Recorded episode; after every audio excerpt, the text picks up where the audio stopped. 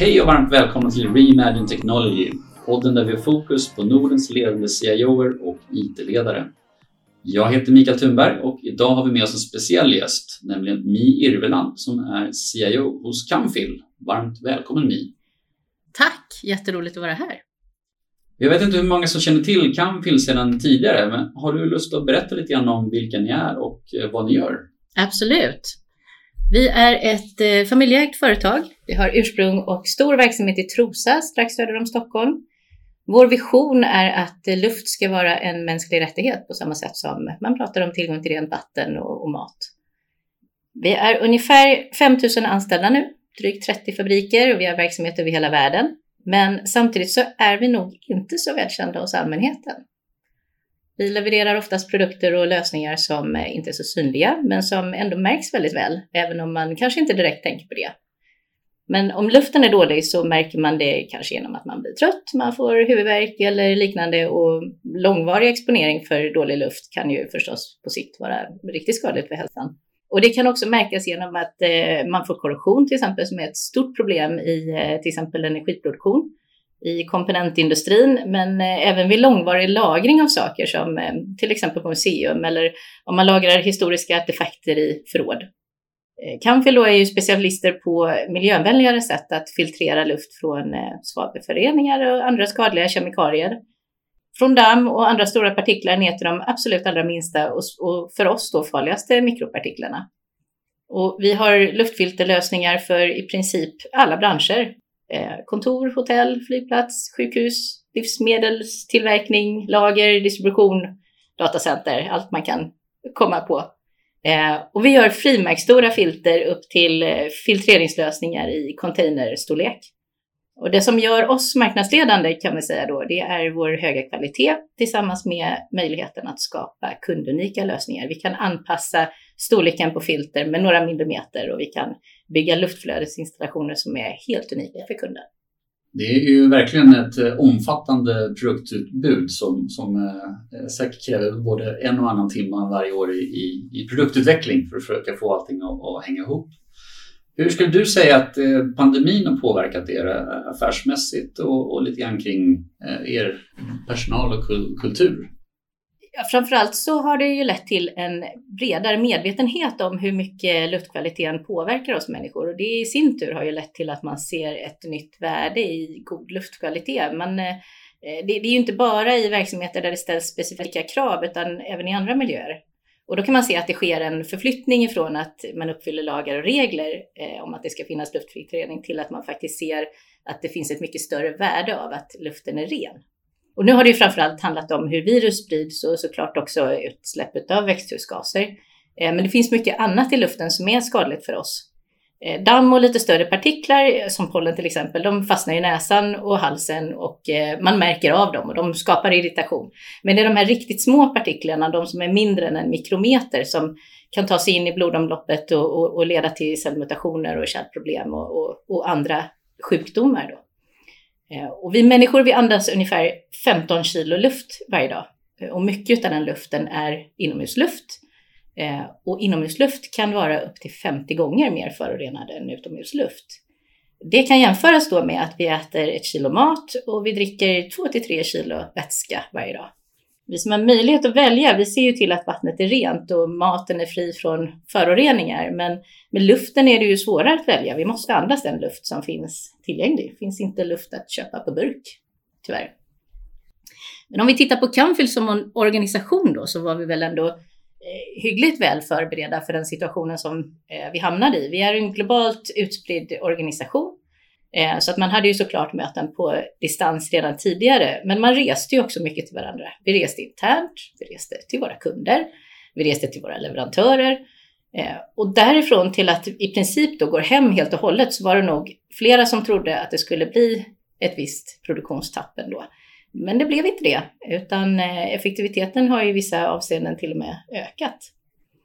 Det, våra fabriker har vi förstås skyddat extra med, med särskilda rutiner för att se till så att vi inte får smittspridning i fabriken. Eh, sen finns det vissa delar som vi har fått stänga ner.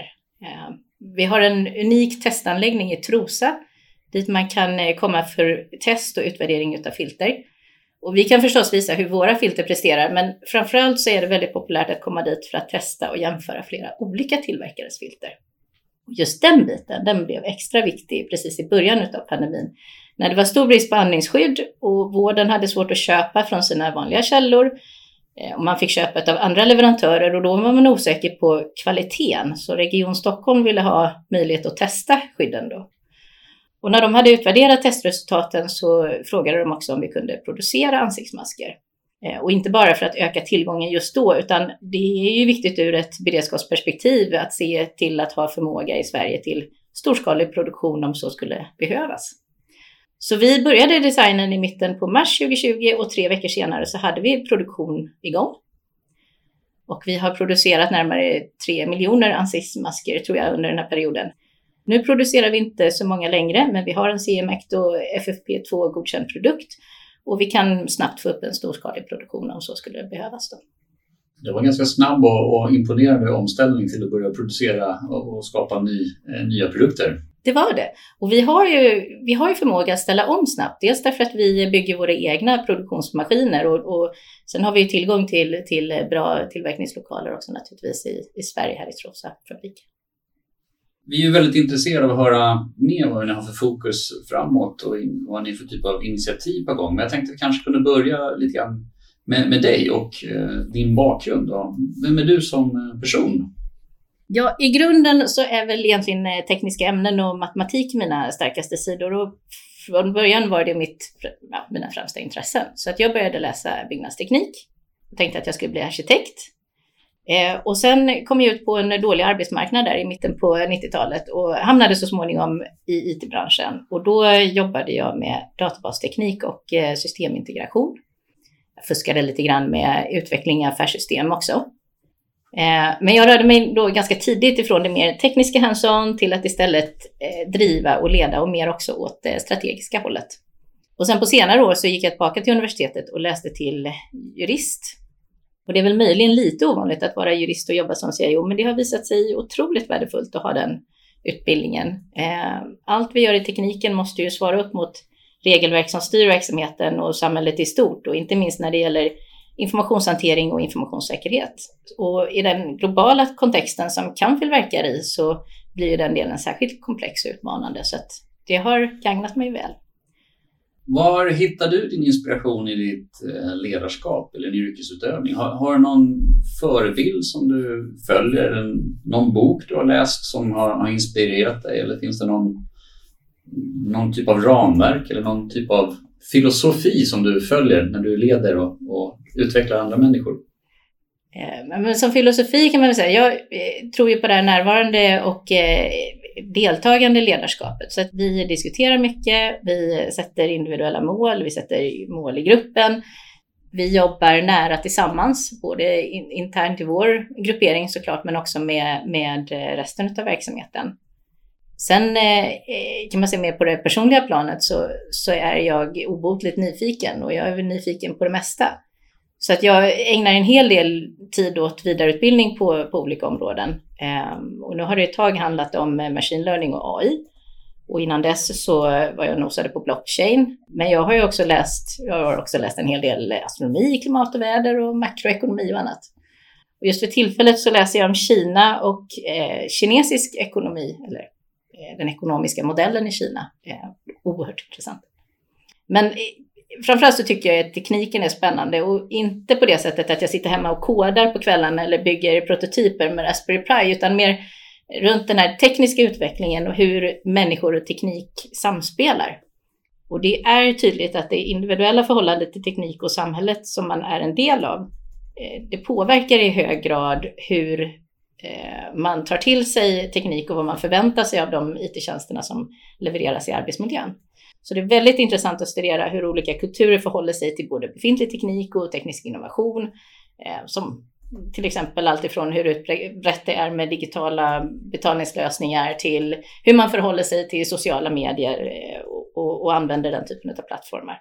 Och det är väldigt värdefull kunskap i arbetet med IT-strategi och planering. Så att jag kan väl säga att på det personliga planet så hämtar jag mycket inspiration utifrån eh, det som jag läser och, och, och, och eh, förkovrar mig i. Eh, och sen så är det ju självklart så att eh, alla nätverk med andra CIO och man för eh, diskussioner på olika plan är oerhört inspirerande. Och just att kunna, nyfikenhet tror jag är en oerhört eh, viktig egenskap och sen se av de saker man lär sig på, på nytt, hur kan man applicera dem i, i, i vardagen på, på ett eller annat sätt.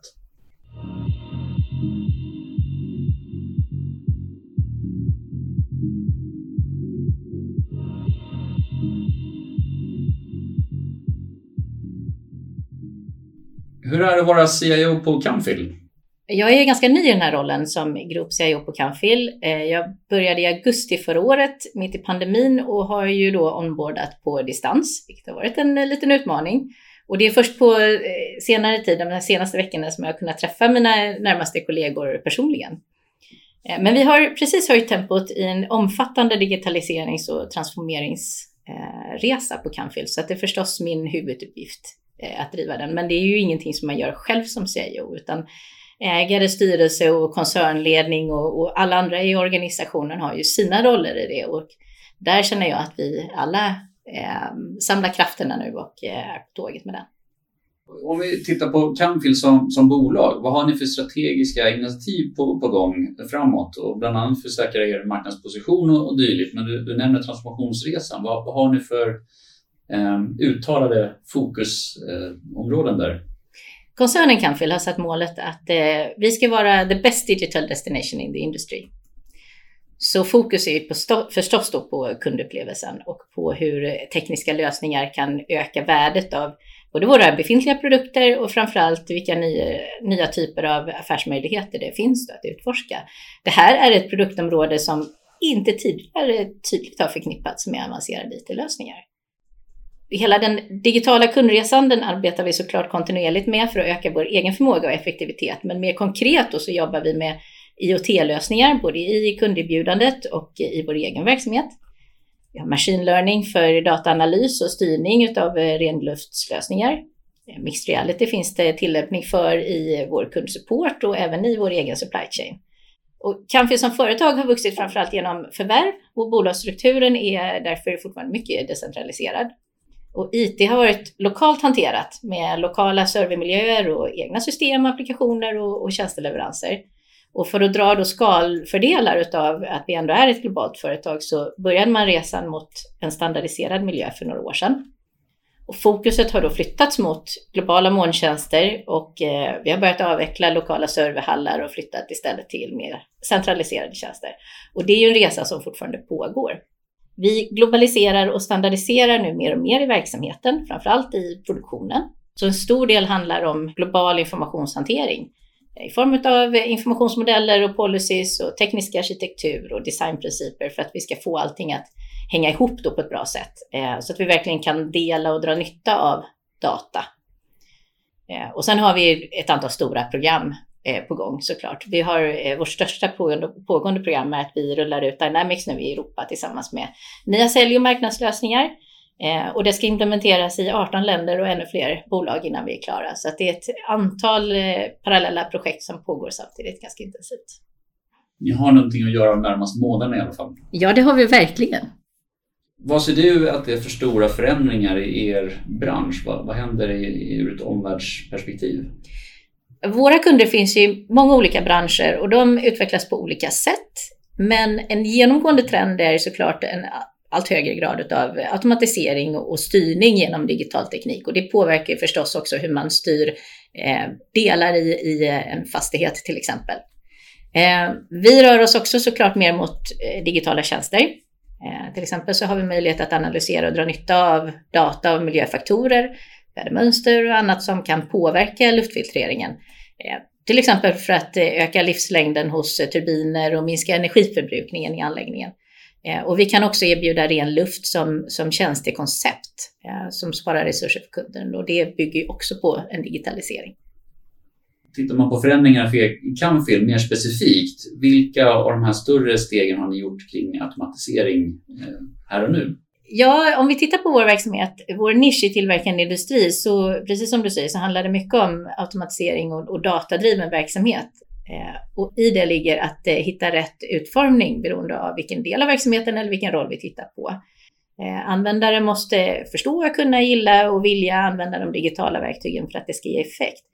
Och det är helt andra krav på en plattform och ett användargränssnitt som man använder i tung industri eh, jämfört med det som ska användas av en ekonomiavdelning, även om eh, kanske systemet i bakgrunden eh, är detsamma.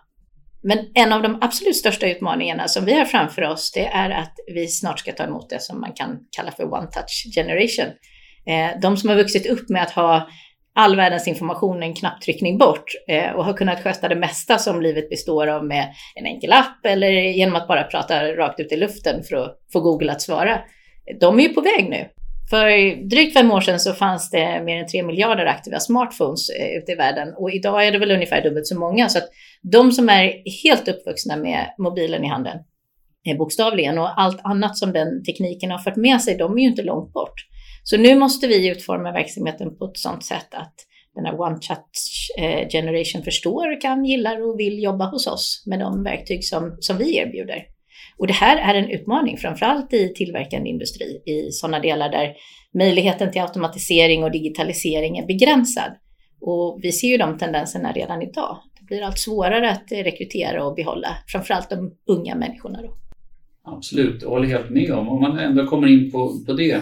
Nu när samhället har, börjat öppna upp igen, hur, hur ser ni på eh, arbete med kontor och flexibla arbetssätt och jobba hemifrån? Du var inne på det lite alltså sedan tidigare, att ni är vana att jobba på, på distans. Och hur, hur ser det ut för er mer specifikt nu, vad ska man säga, eh, efter corona eller mitt i corona beroende på hur, hur man ser det?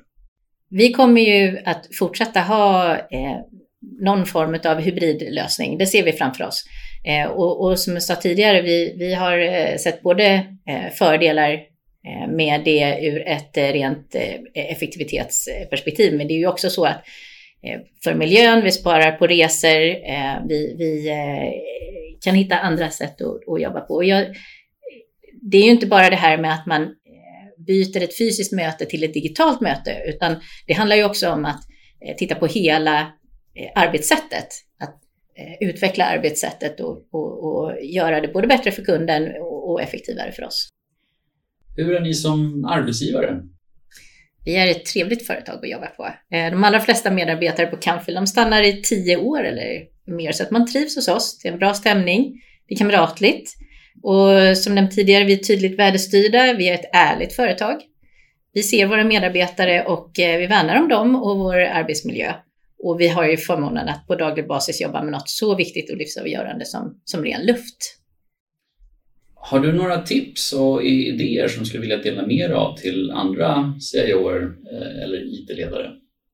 Det har ju varit många besökare i den här podden för mig, så att eh, det mesta har nog redan blivit sagt. Jag skulle kanske gärna trycka lite extra på vikten av att arbeta tillsammans i iterativt i, i korta cykler eh, och att man har en, för, en kultur i företaget som främjar innovation i alla delar av verksamheten. Så att man kan ta tillvara på idéer och i den idégenereringen så finns det ett momentum eh, att ta vara på så att en utvecklingscykel bör gå fort. Vi har fokuserat på att eh, tidigt sätta tydliga värden som ska uppnås snarare än att skriva stora kravspesar och att sätta rätt förväntningar på det som kommer att levereras. Vi gör en betaversion, vi testar, tar tillvara lärdomarna, jobbar tillsammans med verksamheten och, och slutanvändarna. Sen är det ju sällan så att man ser att alla önskemål, behov, krav kan uppfyllas. Eh, så man behöver ju också kunna känna sig bekväm med att leverera det som är möjligt att leverera med de förutsättningar som man har till hands. Eh, och jag brukar tänka på Marsexpeditionen som ett lysande exempel på just det. Idag finns inte tekniken för att skicka landare till Mars och hämta prover och komma tillbaka. Eh, och då hade det förstås varit lätt att, att, att tänka att ja, men det får vänta tills den tekniken finns. Eller så vågar man investera i vad man skulle kunna då klassa som en halv lösning. Eh, men man kan då dra nytta av det som går att uppnå i väntan på att så småningom kunna överbrygga gapet. Det viktiga är att vara överens om vilka värden som ska uppnås och på vilket sätt. Så att det blir tydligt ute i verksamheten vad man kan förvänta sig. Det låter klokt och, och som sagt, man har ju aldrig tillräckligt med resurser och man har aldrig tillräckligt med tid på ett eller annat sätt. Så att det, helt, det handlar hela tiden om att göra rätt prioriteringar tillsammans med verksamheten för att hela tiden säkerställa att man levererar så mycket, så mycket värde som, som möjligt. Vilken annan CIO eller IT-personlighet i Sverige är du nyfiken på som du tycker att vi borde bjuda in som, som gäst till podden och varför då? Nu kommer ju du att avslöja mig att jag inte har eh, lyssnat på exakt alla avsnitt. Det har ju varit jättemånga besökare här och alla har varit eh, säkert jätteintressanta. Eh, jag, jag har lyssnat på några stycken. Det är klart att eh, för mig då som, som sitter i ett globalt företag så är det ju alltid roligt att, att höra hur andra som sitter i lite motsvarande typ av organisation eh, ser på, på framtiden och, och, och hur man eh, hanterar IT i en eh, ganska komplex verksamhet. Då. Eh, så att jag skulle nog snarare kanske vilja formulera det på det sättet. Absolut. Vi ska göra vårt bästa för att försöka hitta en sån person som får svara på den frågan. Det är definitivt en spännande frågeställning.